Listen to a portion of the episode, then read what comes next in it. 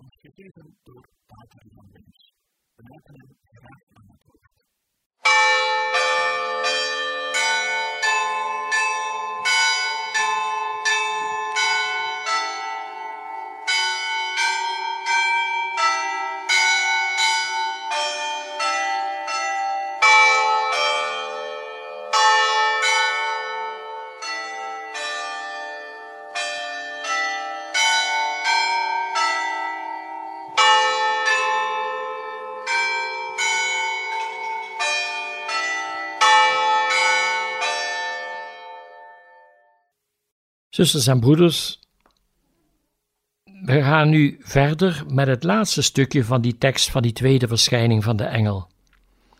Nadat de engel dus het spel heeft verbroken en heeft gevraagd om gebed en meegedeeld dat de harten van Jezus en Maria plannen van barmhartigheid hebben en dat ze voortdurend moeten bidden en offeren ter ere van de Allerhoogste die zo beledigd wordt, dan vraagt Lucia, en dat is voor ons ook verhelderend, hoe moeten we offers brengen?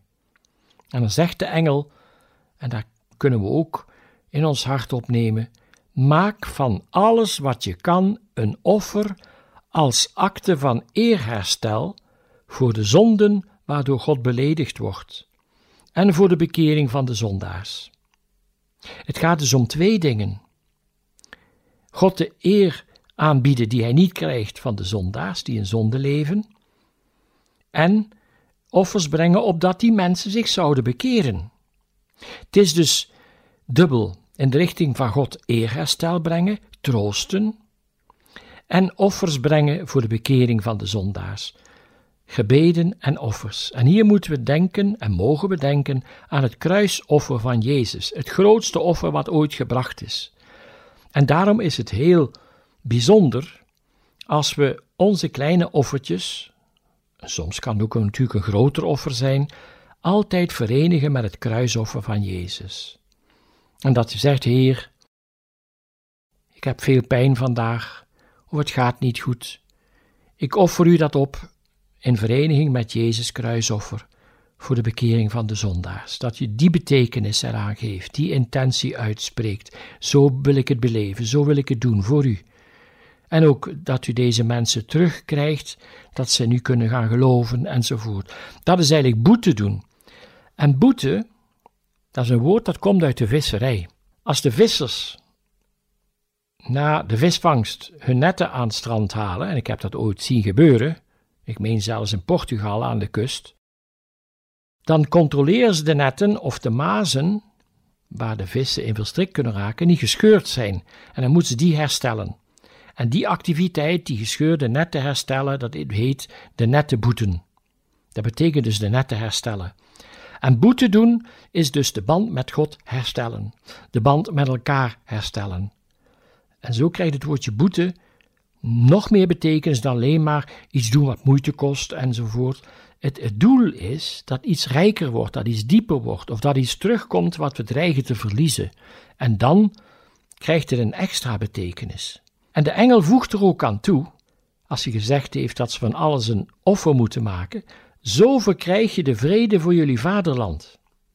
Want op het moment dat die engel spreekt, 1916, is de Eerste Wereldoorlog al ruim twee jaren bezig. Ook al vallen die bommen niet naast die kinderen, maar er zijn wel mensen weg in, en die in die oorlog aan vechten zijn op verschillende plaatsen, ook in de kolonies. En het heeft dus toch wel gevolgen. En ook dat het natuurlijk slecht gaat, hè, dat de kostwinner weg is omdat hij moet vechten in het leger. En zij kunnen dus de vrede voor hun vaderland verkrijgen door offers te doen als akte van eerherstel voor de zonde waardoor God wordt beledigd, en maar ook een offer te doen tegelijkertijd voor de bekering van de zondaars. Want het is juist door zondaars dat er oorlog komt. Elke oorlog is een gevolg van zonde. We zouden het moeten nakijken. En het is ook zo merkwaardig dat wat in Fatima gebeurt, dat dat allemaal plaatsvindt wanneer in Rusland de Sovjets beginnen tevoorschijn te komen en het communisme begint te ontstaan, en zoals ook in Banneu, als ons lieve vrouw daar verschijnt, komt Hitler aan de macht. Wanneer de dreiging van een bepaald kwaad of gevaar groter wordt, wil Maria uit barmachtigheid proberen haar kinderen uit te nodigen zo te leven dat ze daar niet het slachtoffer van hoeven te worden. En dan zegt ze: Als u niet bekeert, dan. En de engel zegt dus tegen die kinderen: dat de harten van Jezus en Maria plannen met hun hebben van barmhartigheid. En daarom vraagt hij ook: beginnen jullie alvast met offers te brengen, om door die offers op de eerste plaats God te troosten en tegelijkertijd de bekering van de zondaars te verkrijgen. Een dubbel doel, wat natuurlijk wel bij elkaar aansluit. Verkrijg zo de vrede over jullie vaderland. Kunt u zich dat voorstellen, broeders en zusters?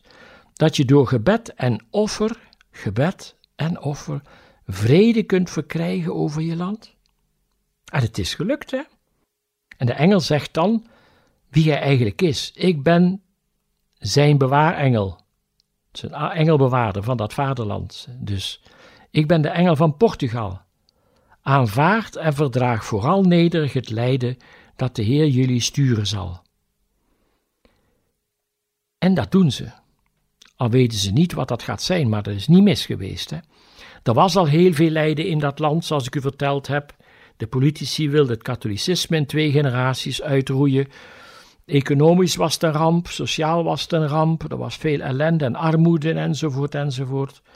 En dan de kerkvervolging vanuit de politici. Maar de, de kinderen worden gevraagd en voorbereid door die engel om daar iets aan te kunnen doen. En het gevolg is natuurlijk, als later die boodschap van de engel en ook die van onze vrouw aan de gewone mensen bekend is geworden, gaan die ook bidden en offers brengen. En ik heb zelf gezien, al die keren als ik naar Fatima mocht gaan met een groep bedevaders, hoe mensen van het land zelf dagen te voet op weg zijn naar Fatima en daar dan eh, langs de weg ergens logeren en dan heel die dag een gebed doorbrengen en gaan biechten en de hoogmis meemaken de 13e mei tot en met 13 oktober, de 13e van elke maand. En dan weer helemaal te voet terug. Ik heb gezien hoe mensen op hun knieën kruipen op dat plein om boete te doen voor de bekering van zondaars. Offers brengen. Als je kijkt naar Jezus lijden, dat was nog wat anders dan op de knieën kruipen. Hij is op de grond gevallen onder de last van zijn kruis. Hij heeft duizenden geestelslagen gehad. Hij is met nagels aan het kruis vastgeslagen. Dan moeten wij niet klagen als van ons een beetje gevraagd om meer offers te brengen. Want die zijn bitter nodig. Paulus zegt: door uw lijden aanvullen wat aan het lijden van de Christus, de kerk, ontbreekt. En u weet even goed als ik dat er wat meer heiligheid in onze kerk moet komen en dat er veel bekeringen nodig zijn. Of het zal zeer slecht aflopen met Europa, dat tegen de belangrijkste wetten van God ingaat en van landen die zich willen aansluiten bij een verenigd Europa, dingen eist die tegen het geweten van volkeren ingaan en die niet rijmen zijn met Gods plannen. En dan zullen de gevolgen er ook komen. Als de Tweede Wereldoorlog uitbreekt omdat Europa niet geluisterd heeft naar de boodschap van Fatima, kan er nog van alles gaan gebeuren, omdat de zonde en het kwaad alleen maar toen lijken te nemen. Ik meen dat ik u die al een keer gezegd heb. Zuster Lucia zei, en dat was enkele jaren voor ze ging sterven: Als Portugal de abortuswet afwijst, zal God het zegenen. Maar als het het goedkeurt, zal God het land straffen.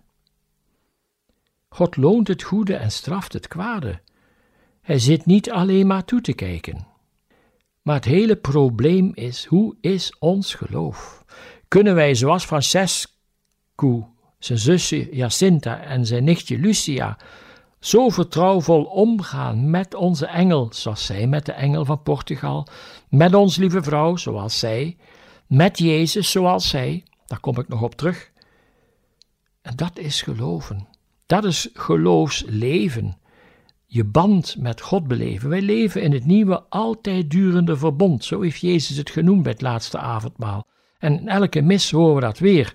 Dit is de kelk van mijn bloed, het bloed van het nieuwe en eeuwige verbond. En een verbond betekent een band beleven, zoals afgesproken, zoals aangeboden door God zelf. Ga je daarop in, dan ontvang je zegeningen. Ga je er niet op in, dan krijg je die zegeningen niet. Daar moeten we wel bij stilstaan. Ik denk dat het ontzettend belangrijk is, omdat God er ook zoveel waarde aan hecht in deze woorden van de engel, dat we die te harte nemen. Ik ga die, dat laatste stukje nog eens herhalen. Maak van alles wat je kan een offer als akte van eerherstel voor de zonde waardoor God beledigd wordt en voor de bekering van de zondaars. Verkrijg zo de vrede over jullie vaderland. Ik ben zijn engelbewaarder, de engel van Portugal. Aanvaard en verdraag vooral nederig het lijden dat de Heer jullie sturen zal. Ik ben zijn engelbewaarder. De engel van Portugal. Zou Portugal het enige land zijn met een engelbewaarder? Denk daar eens over.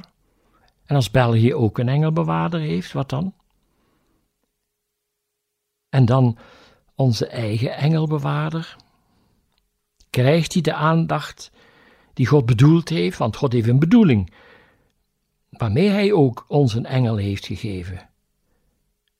Die engel heeft een opdracht en zonder die engel kunnen we niet wat we met die engel wel kunnen en die engel is er, dag en nacht, vanaf het begin tot het einde van ons aardse leven. En ik vermoed, als we niets met die engel doen, dat als we aan het eind van ons aardse leven die engel zien, dat we ons vreselijk zullen schamen en heel veel vergiffenis moeten vragen aan God. Dat we dit goddelijke geschenk niet gebruikt hebben, dat we niets gedaan hebben met onze engelbewaarder. Terwijl omgekeerd er zoveel mogelijk wordt, en dat zie je bij de heiligen, die door hun engelbewaarder ook mensen zegenen en helpen, hoe kostbaar dit is en wat wij zouden kunnen doen. Bijvoorbeeld, u hebt een belangrijke ontmoeting een van deze dagen. Welke mensen dat ook zijn die je gaat ontmoeten, die hebben een engelbewaarder. Wat houdt u tegen? Om de avond tevoren aan uw engelbewaarder te vragen: Wilt ge naar de engelbewaarder gaan van die mensen? Om onze ontmoeting zo voor te bereiden dat u verloopt zoals Jezus het wil. En gaat het nu om twee of tien of honderd mensen? Er zijn evenveel engelbewaarders ook aan de andere kant. En die kunnen en willen doen, als ze uitgenodigd worden, wat ze kunnen, op dat wat daar gebeurt, gebeurt zoals God het wil. Een engel kan invloed hebben op ons, zonder dat hij hoeft te spreken of te handelen. Hij kan iets in mij aanraken wat pijn doet, wat me afremt, wat, wat me hindert in mijn geloof, in mijn vertrouwen, zodat ik ervan bevrijd word. Hij kan ook een plan dat ik heb zo beïnvloeden dat ik het toch anders ga doen, terwijl ik me nauwelijks bewust ben dat ik het anders doe, dat het bijna vanzelfsprekend lijkt. Een engel kan ook zorgen dat een drang die in mij is, als ik met die engel leef en ook offer en bid, dat iets wat niet zo goed is op de duur verdwijnt. Een engel is een hemels wezen, is zuiver geest, is volmaakt.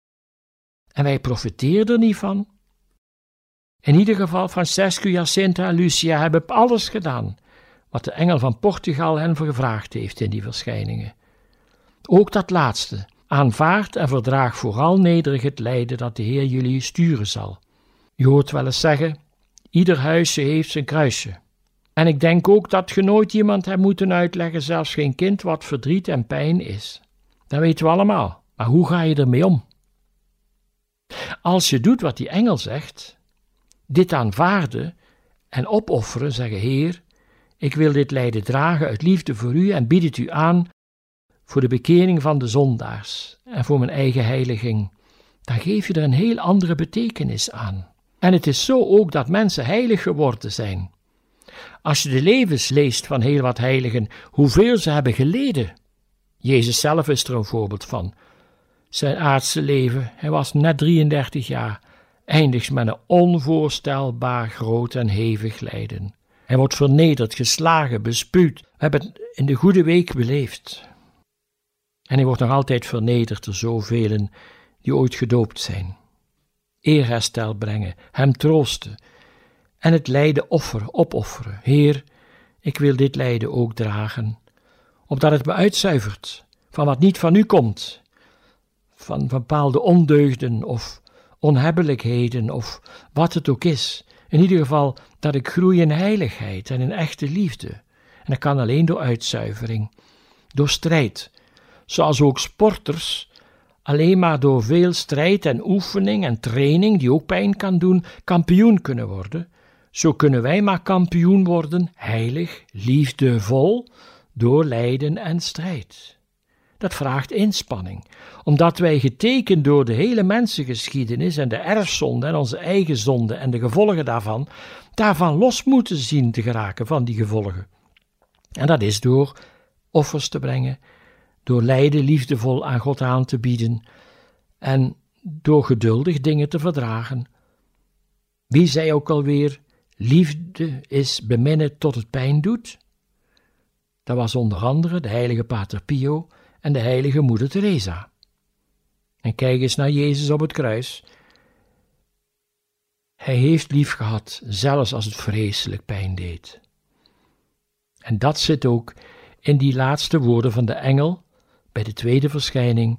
Aanvaard en voordraag vooral nederig het lijden dat de Heer jullie zal sturen.